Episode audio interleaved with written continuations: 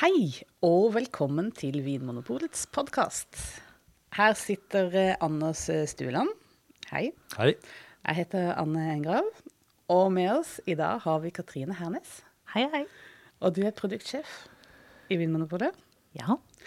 Og du er her fordi vi har fått et lyttespørsmål. Det er fra Ole Christian Reke. Og han lurer på Australia. Vinlandet Australia. Hva skjer der? Hva er det som er nytt i Australia nå? Og dette vet du mye om, så eh, her føler jeg vi er i gode hender. Syns du ikke? Jo. Thomas? Australia. Jeg må være ærlig at det er jo Jeg kjøper ikke så mye australsk eh, vin, for det har jo litt sånn eh, Kan vi si dårlig rykte? Nei, nå, nå, er jeg, Ja. nå er jeg kjip. Er jeg litt kjip nå? ja, det syns jeg. Ja.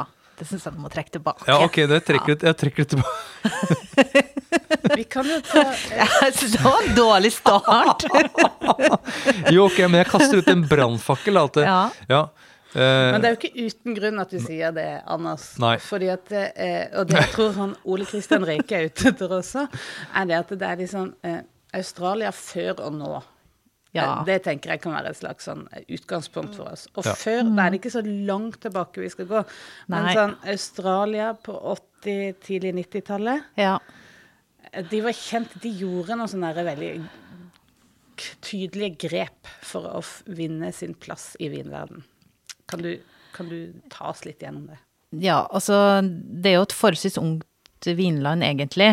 Eh, og på slutten av 70-tallet og så 80-tallet og 90-tallet så så fokuserte man veldig på, på store volumer og, eh, og varme, fruktdrevne viner som, eh, som var lett å like, og kvaliteten var ok. Eh, og, og dermed så raste også salget i været, da. Og så var Eh, det billig. ja, det var billig. Og det var sunshine in a bottle, og det var ja. Sol og hygge. Ja. Og så gjorde de også noen sånn smarte litt sånn markedsføringsmessige grep. At de gjorde etikettene enkle å forstå. Ja. De hadde bare et druenavn på, og kanskje et bilde som var lett å huske. Og, ja. Og del sånne kenguru på etiketten. Ja, Ja. ikke sant? Sånne ting som vi kanskje ikke forbinder med kvalitet. Nei, altså Jeg har ingenting mot pungdyr. Det er, altså, altså, det er jo ikke det som er problemet mitt, men det er litt altså, det sier at det er viner som er ja, de er på en måte de er fruktige, men de, Ja. har, eh, de har ikke så mye mer enn det. Det er på en måte en sånn umiddelbar glede. Ja. En såpebob, såpebobleglede. Ja. Eh, så Som home and away. ja, Så sprekker den boblen, og så er det på en måte er det ikke så mye Ja, mer. det er liksom en sånn veldig sånn lett forelskelse. Å, det her var saftig og Mm. fruktig og deilig, og så bare Ja, men jeg ble veldig fort lei av det òg. Ja. Så en sånn liten sånn ungdomsforelskelse, på en måte. Ja, og det kan Ja. være fint, det. Og, så jeg, jeg tenker at, eh, og det de gjorde, at de kunne jo da tilby eh, teknisk sett godt lagede viner til en veldig lav pris. For de Ja. hadde stordriftsfordeler. De kunne hente druer fra kjempesvære områder. Hadde store eh, vinkjellere hvor de kunne håndtere masse druer. Ja. Og så ble det da skippet ut da med container og, sånt, noe, sånn at mm. fraktkostnadene også var nede. Og så Ja. ble det stående ut i da hyller omkring i verden. De tok jo, de fikk jo verdensherredømme nærmest Ja, de eh, gjorde en periode. Ja. Kjemperaskt også. Ja. Så de, de tilbød en pakke som var lett å kjøpe og kanskje også lett å lage. Ja. Flinke folk da som fikk til det. Ja, ja. Og- Og de hadde jo masse penger til å eh, spytte inn i industrien, i teknologi osv. og så videre, sant. Så det, ja, det skjedde store ting der. Og hva var sånn eh, vinifikasjon, så hvordan, hva var måten de lagde vin på? De, det var druer fra et varmt klima som ble raskt modne og fikk mye druer. Mm, og så var store, flate vinmarker, sant? så innhøstinga var kjempeenkel, altså mekanisk innhøsting, som, eh, som ikke krevde eh, store ressurser, sant. Og eh, st ekstremt store tanker, og Ja. ja, i hele tatt. Det, Ja, og så har de hatt et, et universitet også i Australia som har vært veldig langt framme på det med produksjonsteknikk. Har de ikke det? Sånn at de, de har jo vært pådrivere for å eh, få egentlig en, en bedre kvalitet i vinverden, kan vi vel si. mm, Eh, ja, veldig teknisk, teknisk, ja. eh, riktig laga vin. Mm. Mm. Ståltanker, eh, Ja. tilsatt gjær. Alt er liksom under kontroll, og du, Ja. du vet hva og du får. veldig fokus på, på renslighet og ja, at det skal være sterilt osv. Ja. Mm. Ja. Eh, Så det var en, eh, en eh, suksessoppskrift. Ja. Men det er jo ikke noe som appellerer til på en måte vinnerder som meg. Eh, og eh, som, eh, folk, med, folk med skjegg og rutete skjorter som på en måte vil ha kortreist, eller på en måte ting som er eh, knyttet til et sted, eller på en måte vil ha en historie om eh, en mann eller en dame som på en måte har gått rundt og tafset på vinplantene sine og, og liksom laget Ja, det var det motsatte av det, på en måte. Ja, på, Ja. på en måte.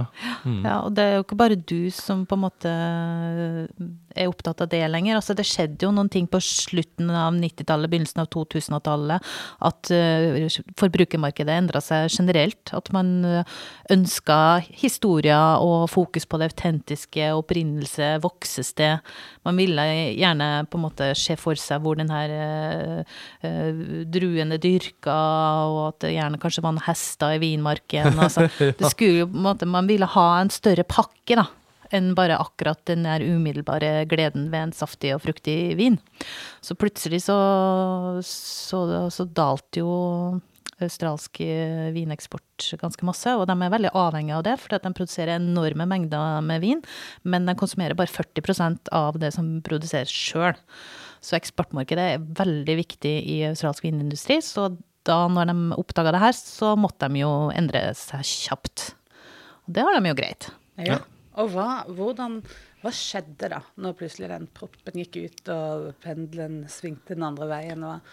Det, hvordan merka man det først? Uh, nei, man merka det jo på at det var mye større på fokus på mindre produsenter.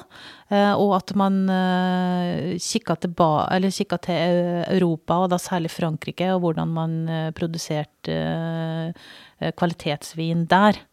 Eh, Så første gangen jeg dro til Australia var vel i 2006. Og da var det på en måte eh, starten på det her med, med det nye Australia osv. Og, så og da, da snakka de fleste av de produsentene vi besøkte veldig varmt om, eh, om Frankrike, og da spesielt Burgund, da. Så da skjedde et eller annet. Da skjedde det noe. Og, da, og siden da så har du bare blitt mer og mer eh, fokus på en sånn kvalitetsheving og, og høyere pris, egentlig også. Og eh, ikke så mye merkevarer, men mer sånn produsenter som vi er vant til fra Europa. Ja. Mer, Vingårder mer. ja. Og Eh, Ja, at, ja, at uh, hvor, uh, hvor vin kommer fra har blitt viktigere, da. Så en endring av hva som står på etikett og så videre også. Men har de, har de plantet nye vinmarker, eller har de eh, funnet eh, gamle vinmarker, eller kjøpt vinmarker? På en måte, hvordan eh, etablerer disse nye, små produsentene seg? Det er jo begge deler, egentlig. Eh, Det er jo mye, altså, mye nyplanting også, men det er også det å ta bedre vare på det man allerede har, da.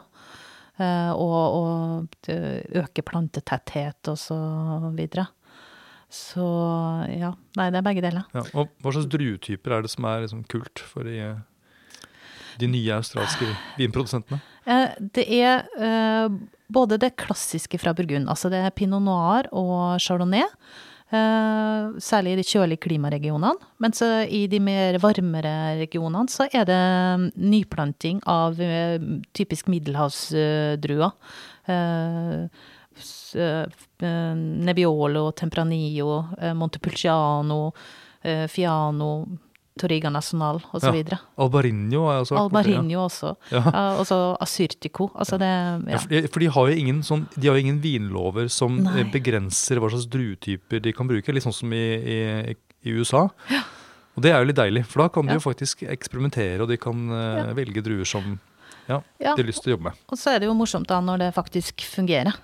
Eh, fordi de nebbiolaene du kan finne i, i Australia, en del av dem er jo av veldig høy kvalitet, Hmm. for eksempel. Så det Jeg er helt okay. enig. Jeg har også vært borti noe Syra også, Ja. eh, som virkelig eh, Det er nesten så jeg tror at jeg var i Nord-Rån. Mm. Det er virkelig sånn saftig, kjølig og med sånn markant Og det er sånn litt pepper morsomt, røykaktig. eh, Ja. akkurat det med syra for da markerer man gjerne denne nye stilen ved å kalle det syra, Ja. i motsetning til Shiraz. Ja man, ja, man vil distansere seg fra den gamle oppfattelsen av, uh, av den disse svære alkoholiske. OK, så da fra å uh, ha dyrka da um, Cabernet Sauvignon og Shiraz hovedsakelig, eh, i tillegg til eh, på hvitvinsdrua den eh, gamle stilen var mer litt sånn Ja, veldig overreika chardonnay og uh, veldig uh, skrin sauvignon blad. Ja. Ja. Så, går, så får vi nå et mye større mangfold. Eh, og så, så nevnte du også det at områdene de velger å dyrke vinen i, er ofte de med kjøligere, ja. Høyere liggende. Ja, eller ja, som ligger litt i åssidene videre. Det var jo ikke det man var interessert i tidligere, for da skulle man jo på en måte ha mekanisk innhøsting og så videre, og hadde planta øh, øh, druene på store, åpne flater. Uh, nå ser man mer i høyden og i skråninga og ja, åssidene. For å få litt seinere modning, da. Ja. Og, ja. ikke skal gå så raskt. Generelt litt friskere viner òg, kanskje? Mm, Absolutt. Og man uh, har justert på plukketidspunktet og plukke litt tidligere. Altså det, det var jo øh, fokus på at man skulle ha uh, høyest mulig alkohol. Nå er det på en måte heller det motsatte som er på en måte fokus. Så det er ikke uvanlig lenger å finne australsk vin med 12-12,5% alkohol. Men eh, da mindre produksjon, mer eh, arbeid, da, det, da blir jo vinene dyre dyrere i hvert fall. Ja. Man må være villig til å betale litt mer for å få tak i disse vinene. ja. Det, mm. Sånn er det, sånn er det bare, rett og slett. Ja, og så lenge kvaliteten eh, måte også er på samme nivå eller reflekterer prisen, så, så har det jo vist seg at eh, forbrukermarkedet er jo åpen for eh, å kjøp dyre australsk vin. Ja. Ja. Og i kjelleren, da? Hva er det som er nytt der, og hvordan er det de på en måte behandler vinen annerledes? Etter plukkinga. Ja, igjen så er det at man ser tilbake på og lar seg inspirere av eh, europeisk vinifikasjonsteknikk, da. Så det er mm, mer bruk av gamle fat og fatfermentering. Eh, spontangjæring i stedet for eh, kultivert gjær. Eh, liten eller ingen filtrering osv. Eh, og mindre bruk av enzymer og syrejusteringer og tilsetning av tanniner og den type ting, da. Mm, litt mer forsiktig ekstrahering. Ja, det også. Ja. Og mye mindre bruk av eh, fat generelt. Så det, eh, den stilen de på en måte forenkla og forkasta på 80-90-tallet, har de nå Ja. Latt seg inspirere igjen. For det er ikke Ja. en sånn eh, blåkopi. Jeg har snakka med flere eh, australske vinprodusenter som eh, spør ja, hva er forbildet, prøver dere å bli burgund? Nei, nei, nei, vi er Australia. Det er jo selvfølgelig viktig å få en egen identitet, da. Ja. ja.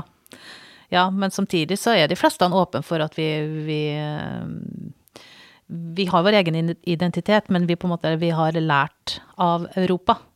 Vi har på en måte Pendelen har svingt litt. Nå har vi liksom gått til den ekstreme yttersida med store kommersielle volumer og sunshine in a bottle, og nå har vi på en måte gått tilbake til eh, til det gamle historiske og europeiske vinifikasjonen og vitikultur, da. Er, eh, merkes disse flaskene på altså, Er det noen måte å se på en etikett at dette her er en representant for det nye Australia? Nei, det Nei. Men de har jo ofte litt sånne morsomme, kule etiketter, da. Men, men det er jo ikke noe sånn egen måte å se det på, egentlig. De har ikke, de har ikke um, noen egne organisasjoner eller noe sånt som på en måte man kan se etter. Nei. Har du noen, eh, da, noen eksempler på noen områder da, i Australia som det er liksom litt eh, lettere å Eller hvor det er litt mer tetthet av sånne nye australske? Ja, det er jo typisk eh, Adelaide Hills som blir trukket fram av de store internasjonale vinskribentene, som på en måte den her nye stilens på en måte kjerne eller, eller vugge. da. Og spesielt et bitte lite område i Adelaide Hills igjen, som er kalt Basket Range, hvor det er på en måte en eh, stor tetthet av eh, produsenter som lager vin i henhold til den her nye stilen, da. Eh, og hvis du har vært i Adelaide by, så, så merker du det at her er det ungt og dynamisk og hipt og eh, ja, en litt sånn eh, hipsteraktig by. Eh, hvor det på en måte det er, det er lett å på en måte få solgt den type vin også, da, og få på en måte ja, litt oppmerksomhet rundt det, da.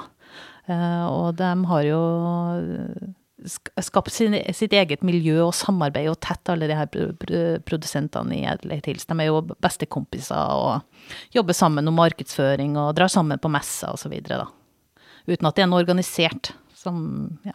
Ja. Men det skjer, altså som du nevnte også, at det er jo ikke bare Adelaide Hills, det skjer overalt. Men det er noen som er Dette er kanskje lokomotivet, på en måte. Ja, det, det er på en måte her det er, de er mest synlige, da. Og det er jo også fordi at eh, de eh, lager vin med høy kvalitet innenfor denne nye stilen. Eh, Men også Yarra Valley, for eksempel, har jo en, ganske mange produsenter som på en måte har jobba for denne stilen. Men da er det typisk chardonnay og pinot noir igjen, da, de mer europeiske burgundruene som blir benytta, det er jo eh, små produsenter, altså ikke at de er kortvokste, men at de, de, er, de har små, små anlegg eh, og eh, Små volumer. små volumer. ja. Og tenk på nettopp det med små volum. Altså, det er ikke alltid at de har så mange flasker tilgjengelig eh, som de kan selge. Er det et problem for Vinmonopolet? Tenk på at Vi har jo over 300 butikker. Eh, Det er ikke noe problem for oss i den forstand, for vi kan jo lansere det her som små partier. Som bare skal være tilgjengelig en kort periode, og kanskje i et lite utvalg i butikker. da. Så det er jo eh, en av de unike mulighetene vi har, selv om vi er på en måte en, en stor eh, aktør. Så, så det, vi ser ikke på det som en så stor utfordring. Utfordring er mer om de ønsker å, å selge til, til oss, egentlig. Ja. Men vi ser jo det at øh, vi får jo tilbud på de her små produsentene, og vi ser jo det at mange norske importører jobber med små produsenter og ser at det er potensial for dem, da. For vi er også avhengig av det. At de norske importørene er interessert i å, å importere denne type vin til det norske markedet. Mm. Ja, for det, eh, jeg vet jo at det skjer jo at vi lanserer sånne såkalte partivarer, og da mm. kan det være nede i sånn 400-500 flasker bare. Ja. Men da er det jo klart at da, når de da er utsolgt, Mm. så kommer det ikke inn noe nytt, i hvert fall av den årgangen. Nei. Så da Nei, da er det ment som et lite parti som skal krydre sortimentet i en liten periode, da. Ja. Ja. Så her gjelder det å følge med. ja.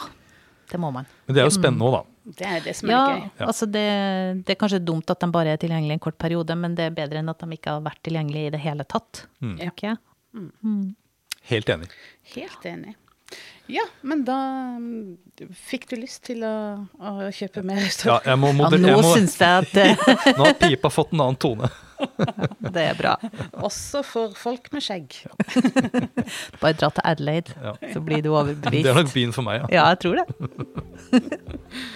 Ok, Katrine, tusen takk for at du var med. Takk for meg. Og takk for at dere hører på.